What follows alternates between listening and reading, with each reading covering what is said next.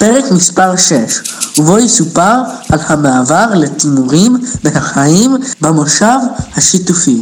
נשמע על ההצלחה הגדולה של אלי בניהול הרפת, והאתגרים שהיו בניהול המפעל.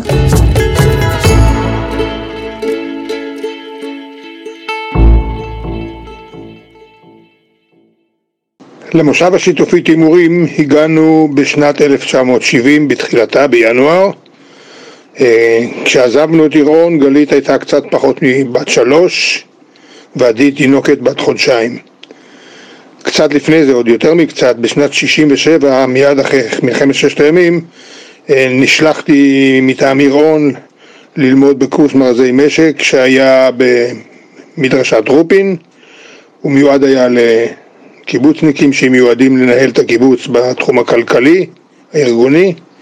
הקורס נמשך שנה, קורס מאוד אינטנסיבי, מעניין וטוב. היינו מגיעים הביתה פעם בסוף שבוע, באמת העניק לי כלים מאוד מאוד טובים אה, להתמקד בדברים שאני עושה, אה, אם זה היה עוד בעירון ואחר כך בוודאי ובוודאי בתימורים.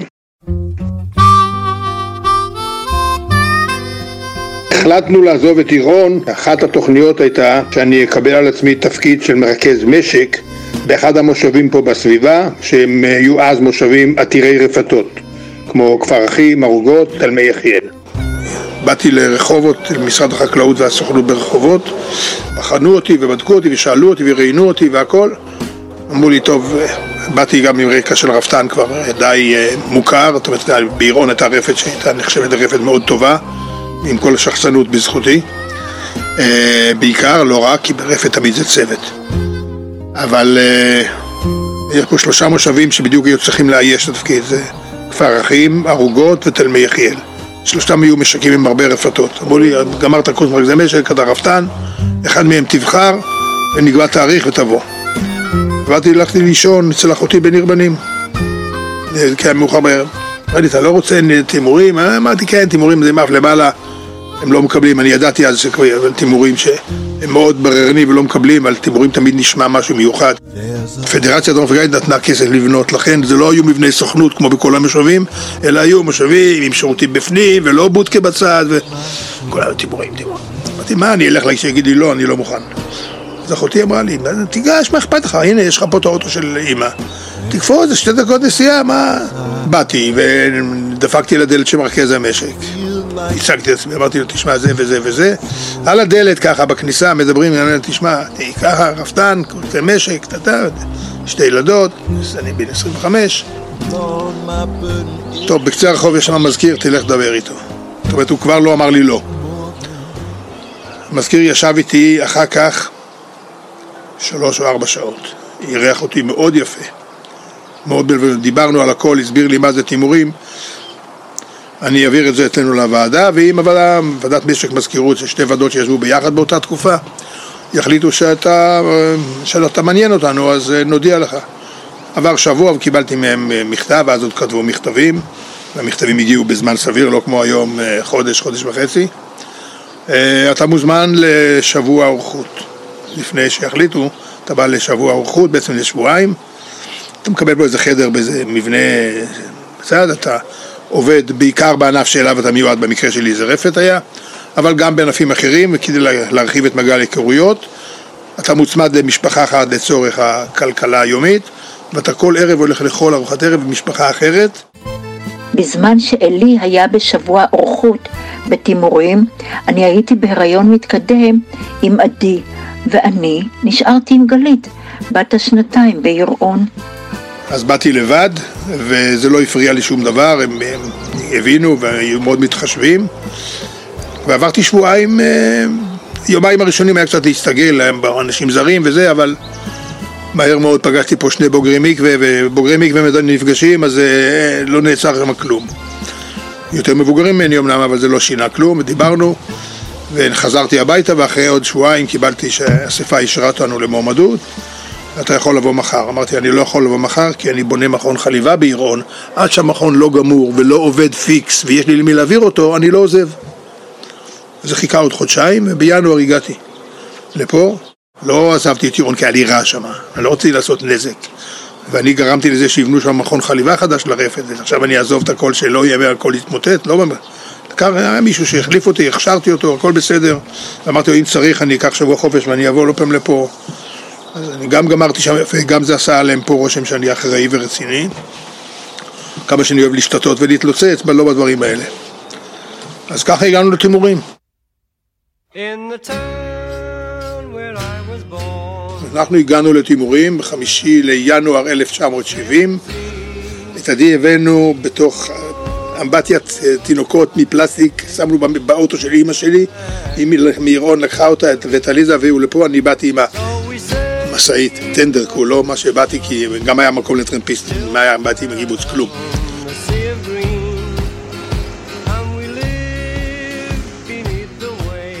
קבלת פנים שהייתה לנו פה, אני מחלק אותה לשניים.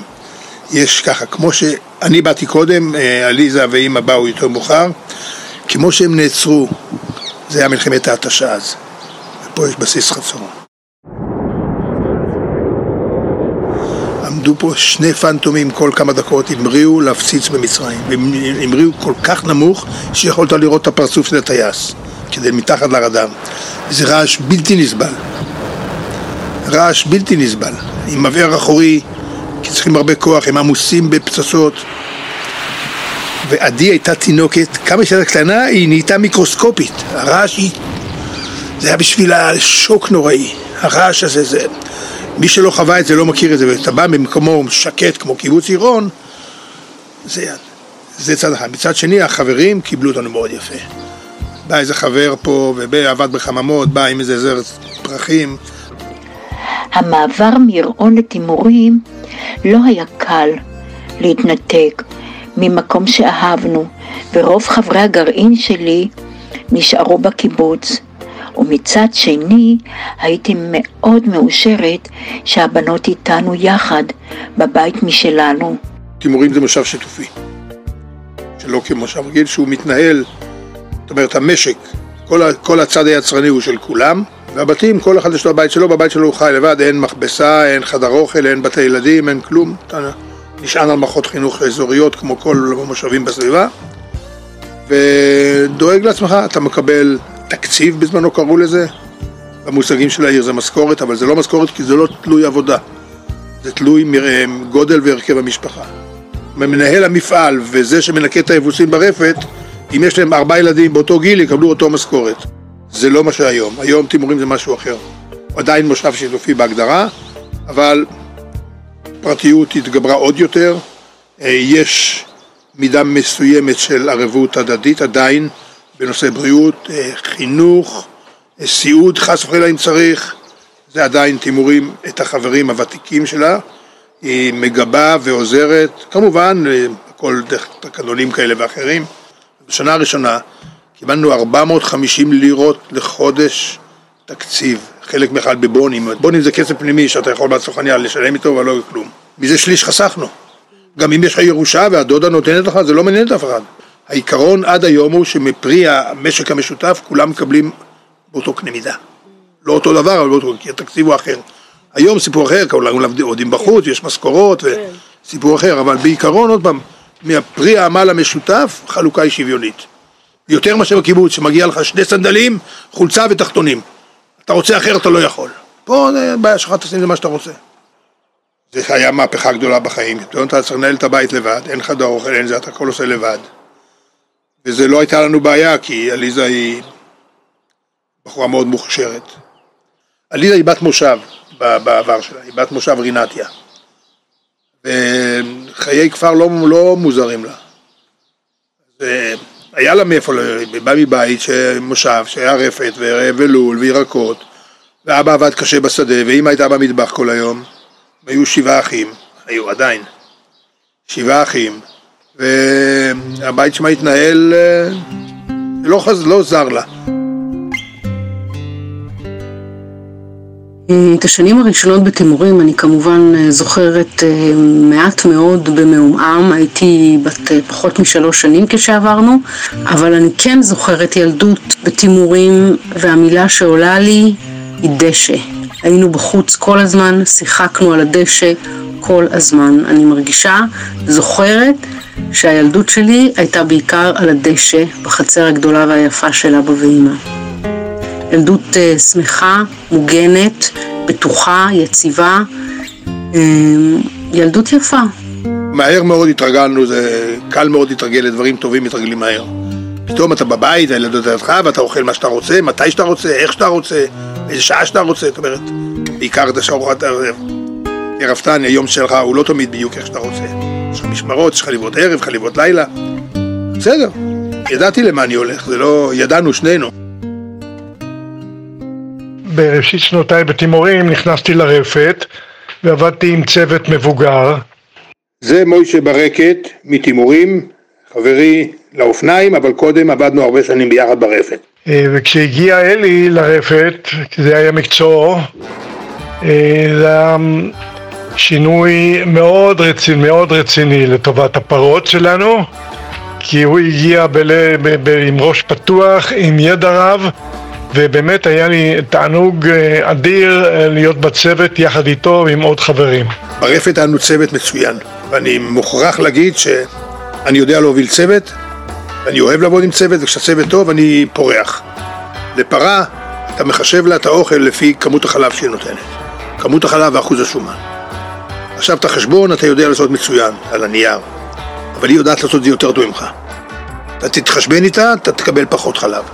אתה צריך לתת קצת יותר. צריך לדעת את זה, זה חלק מהמקצוע. זה מה שהרים אותי פה ברפת, בתימורים, כי פה עשו חשבון לפרות והם התחשבנו. עכשיו בשביל שתדע, היה לך כמה פרות שאתה אחראי עליהן, אתה חולב אותן, אתה אחראי, אתה מכין לכל פרה את המנה שלה האישית. לפי זמנה, כן? זה השף. זה היה שם תאים של כוסבה, של חרובים טחונים, של אה, תירס, וכל מיני מוצרים שמהם מרכיבים את התערובת. את החסיר וירק מקבלים כולם אותו דבר. ההבדל הוא בתערובת, במזון המרוכז, מה שנקרא. אותו אתה נותן לפי כמות החלב, ואתה צריך לחשב את כל הפרמטרים, זה ויטמינים ומינרלים וכמות חומר יבש ואנרגיה ומכלל היום אתה לוחץ על כפתור, מקבל את זה במחשב מתוכנן. היום זה הכל תכנון ליניארי ביד, מאיפה ידעתי? מתמטיקה הייתי עלוב, הייתי עלוב בזה, לא אלוף, עלוב, מעבדה. אבל זה עושים בבית ספר, באופן מעשי לא עובדים ככה. באופן מעשי עובדים בעיקרון ככה, אבל לא על פרה אחת, אלא על קבוצה של 50 פרות. לוקחים 50 פרות שהן בערך באותו תנועה, באותו זמן אחרי המלטה, אז הם קבוצה כולכם אותו דבר, במילא מוכלות אחת מהשנייה.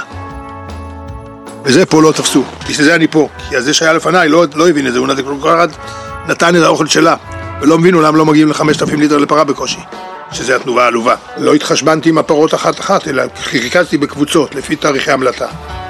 30 פרות שהתחילו לזה, כי אז הם תנובת חלב דומה, הדרישות שלהם דומות, הם מבחינת המחזור הביולוגי שלהם באותו, באותו שלב, הורמונלי והכל. מתאים להם לזה, אז לכל הקבוצה אתה נותן את אותה האוכל. שינוי שיטת העבודה, פרות היו בקבוצות, קיבלו את אותה הזנה, גם סוגי המזון החלפתי, היה למשל אה, תחמיץ מאפונה, גידלו פה הרבה אפונה לשימורים. אז את הצמח עצמו, אחרי שמורידים את התרמילים, עשו את השגיאה ועשו ממנו תחמיץ. תחמיץ זה ירק אה, כמו לפון כבוש, תקראי לזה ככה. אפונה לא מתאים, בכלל קטניות לא עושים מזה כי אחוז החלבון תמיד גבוה שם והתסיסה היא אחרת, הפרות לא רוצות לאכול את זה, זה עושה להם לא טוב, הן אוכלות בכלל הכל פחות, והחלב יורד, אין הרבה חוכמות. תיקח מתירס, זה סיפור אחר. מתוק, עם גרעינים, סגנים, אחוז סוכר גבוה, טורפות את זה. אמרתי, אתם את האפונה תייבשו, תעשו בזה חבילות, נשתמש באזור קש לרפד את הפרות, אל תזרקו, לא לזרוק. ולאכול ניתן להם משהו אחר. חומר גנטי בתימורים הוא בדיוק כמו בכל המשקים האחרים. אותם מכוני הזרעה, אותו דבר, חומר גנטי זה... אין שום סיבה שבנגבה או במקום אחר יהיה 8,000 ליטר לפרה ופה יהיה 5,000. שום סיבה, חוץ משיטות עבודה והזנה. שנה אחרי זה היינו על 8,500 ליטר. בבת אחת מ-5,000. והרפת אתה פה באמת, רפת זה ענף שאף פעם לא תהיה מיליונר מזה, אבל פרנסה בשפע, תמיד יש לך פרנסה בשפע, אם אתה עובד נכון. אתה לא עובד נכון, אז כמו כל דבר שאתה עושה לא טוב, זה לא טוב. אין פה הרבה חומרים. ובעלי חיים זה... מה שאתה משקיע בפרה, זה מה שתקבל ממנה. אצלי ברפת לא העז רפתן ללכת עם אה, צינור ממתכת להרביץ לפרות, ילכו יותר מהר לחליבה. תרביץ עם היד כזה, אם אתה רוצה. אתה מתעצבן, אתה רוצה, תלכו מהר, קח לך צינור פלסטיק ישן של אה, מטר כזה, לא, לא להכאיב, למה, מה פתאום? מה זה הדבר הזה? חיים אתה צריך לראות אותם 24-7. שום מחשב בעולם, שום מכונה, שום זה, היא מקלה עליך, אבל היא לא תראה פרה צולעת, אתה צריך לראות שהיא צולעת, ואם היא צולעת אתה צריך גם להבין למה. אז יש חלק מהדברים שהיום דרך המוליכות חשמלית, אתה יודע שדלקת הטין. לפעמים זה כואב לה ואתה לא רואה את זה עוד, אבל היא צולעת. תלך תסתכל למה. ולהרביץ לפרות, אפשר להרביץ גם מחשב וגם בלי מחשב. מי שמרביץ לפרות, אין לו, שלא יעבוד ברפת. אפילו הווטרינר שלנו היה קורא לי למושבים אחרים לפעמים. אלי, תעזור לי, אני לא יכול. יש לי ידיים ארוכות, בחור חזק. הייתי אז עוד יותר חזק.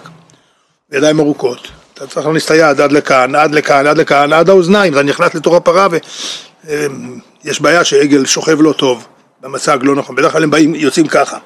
אבל עם רגליים מקופלות, לא יצא. אתה צריך להכניס אותו, לדחוף אותו בחזרה, ליישר לו את הרגליים. מה זה לדחוף עגל בחזרה נגד הכוח של הרחם?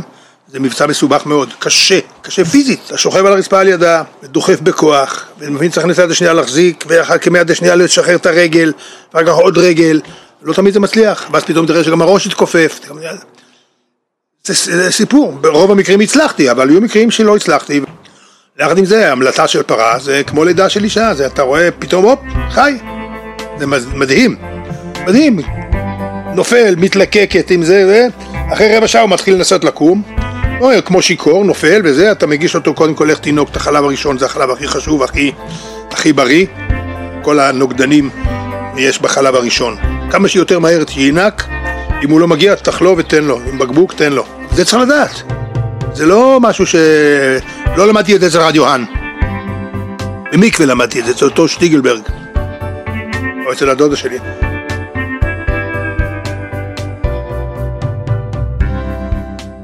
רפתן הייתי פה 15 שנה בערך, עברתי לתעשייה אחר כך. יש פה בתימורים, יש אה, מפעל היה מפעל לריטי בתי ספר. היה פה מפעל גדול, הכי גדול בארץ לריהוט בתי ספר. יותר מאוחר הקמנו גם מפעל שמייצר את הצינורות שמהם עשו את, את הכיסא. אז אחר כך עבדתי, הייתה בעיה, היה לנו בעיות קשות מאוד עם העובדים. בני קריית מלאכי, מוסר עבודה מאוד נמוך, ודרשו הרבה כסף וכולי וכולי, פועל. אז הייתי שנתיים מנהל כוח אדם, אה, עד שהיה פעם סיפור, סיפור קשה מאוד של אה, ממש מרד של העובדים, בשיא העונה, העונה זה מתחופש גדול, זה העונה שבתי ספר מצטיידים.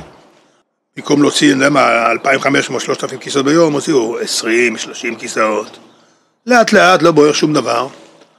ודרישות, היה בדיוק דרישות שכר, עושים טיפול שיניים חינם, שהילדים שלנו ילמדו בבית ספר באוניברסיטה על חשבון המפעל, וועד הפועל, הוועד הפועל, מועצת הפועלים של היא גיבתה אותם.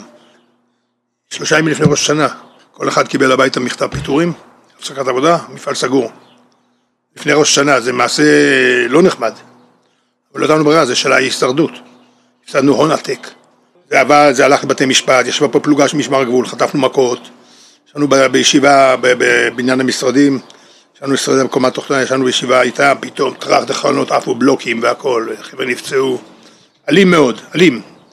כולם, הם רצו ללכת, כולם רצו 300 אחוז פיצויים, לא פחות או יותר, דרישות היו להם מפה ועד השעה. לעבוד לא קרה, דרישות היו להם. היה דיונים, אחרי חודשיים בינתיים העברנו את כל ה... בלילה, העברנו את כל הכיסאות, כל הציוד הזה לחצרות של משקים אחרים בסביבה, כדי שנוכל להמשיך לספק, לעמוד בהתחייבויות. מפעלים אחרים גיבו אותנו, המתחרים שלנו גיבו אותנו, היה אז יחסים טובים, ואיכשהו עברנו את זה. והיה צריך לפתוח את המפעל, עמדנו תנאים חדשים, ואז נכנסתי כבר לענייני שיווק, מכירות. אה, זה היה בשבילי משהו מאוד מוזר, כי אני סוחר גרוע. אני לא יודע למכור, אבל אני יודע להתחבב על אנשים.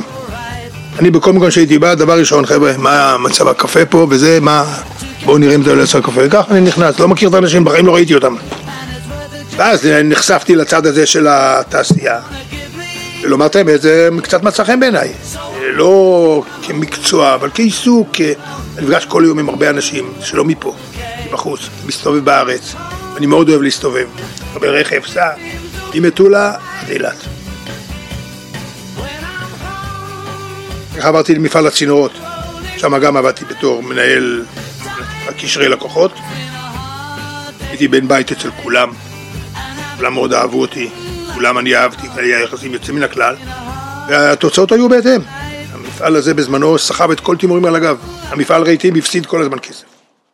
היה איזה קטע שגם ביקשו ממני לנהל את המפעל, שנה אחת כמעט, עשרה חודשים ניהלתי אותו, הגרועה בהחלטות חיי. הסכמתי, לחצו עליי. אז באו אליי ואמרו לי, שמע, יש, הביאו מנהל שכיר, הוא היה גרוע שבגרועים, לא הסתדר עם כלום, לא ידע מה החיים שלו.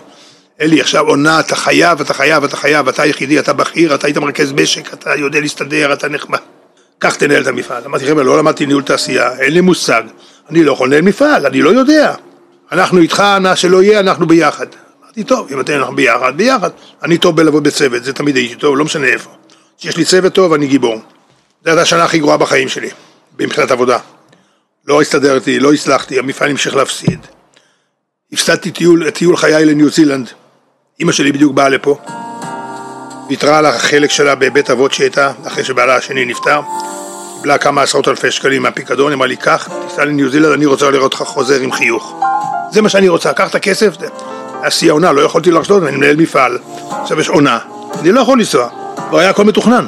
היה טיול סטפור, 60 יום, טיול קשה, ארוך, 60 יום עם קרוון. וויתרתי, כי הייתי צריך, לקחתי לעצמי ניהול מפעל. אכלתי קש, ואני מצטער שעשיתי את זה, כי זה לא, לא עשיתי טוב, זה לא עשה טוב לתימורים, לא עשה טוב לי, לא כלום, בשביל מה אני, זה שטות. הביאו מישהו אחר שגם הוא לא החזיק מעמד, בסוף את המפעל מכרו אותו. מכרו אותו בנזיד עדשים, ניהלו, ניהלנו אותו לא טוב, זה היה חס בשנה ניהול לא טוב. כשאלי ניהל את המפעל, היה לו קשה, כי שידר לעצמו שהוא לא מקצועי, והציף רף גבוה. אלי ידע שהוא ממלא מקום עד שימצאו מנהל מקצועי מבחוץ, אבל אלי נרתם לעבודה והקדיש הרבה שעות בתכנון וארגון לעמוד בלוח הזמנים, בייצור ואספקת ריהוט למוסדות.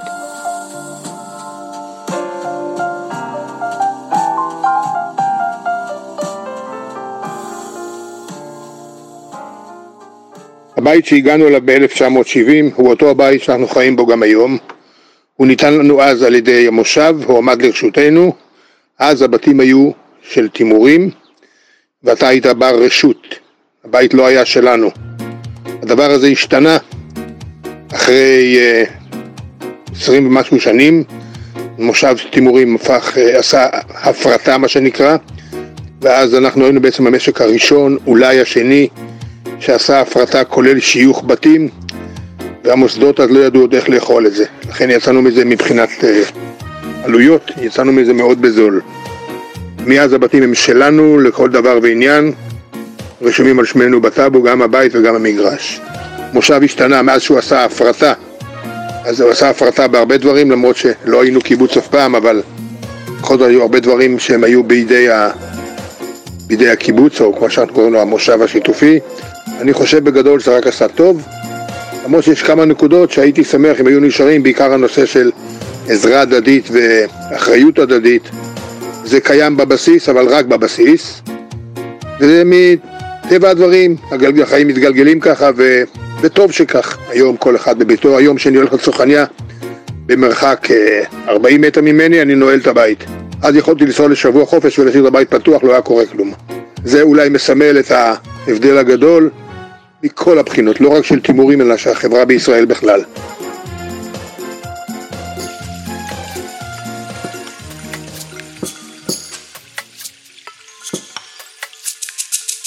מאיזה גיל אימא שלי הלכה לבד לצרכניה?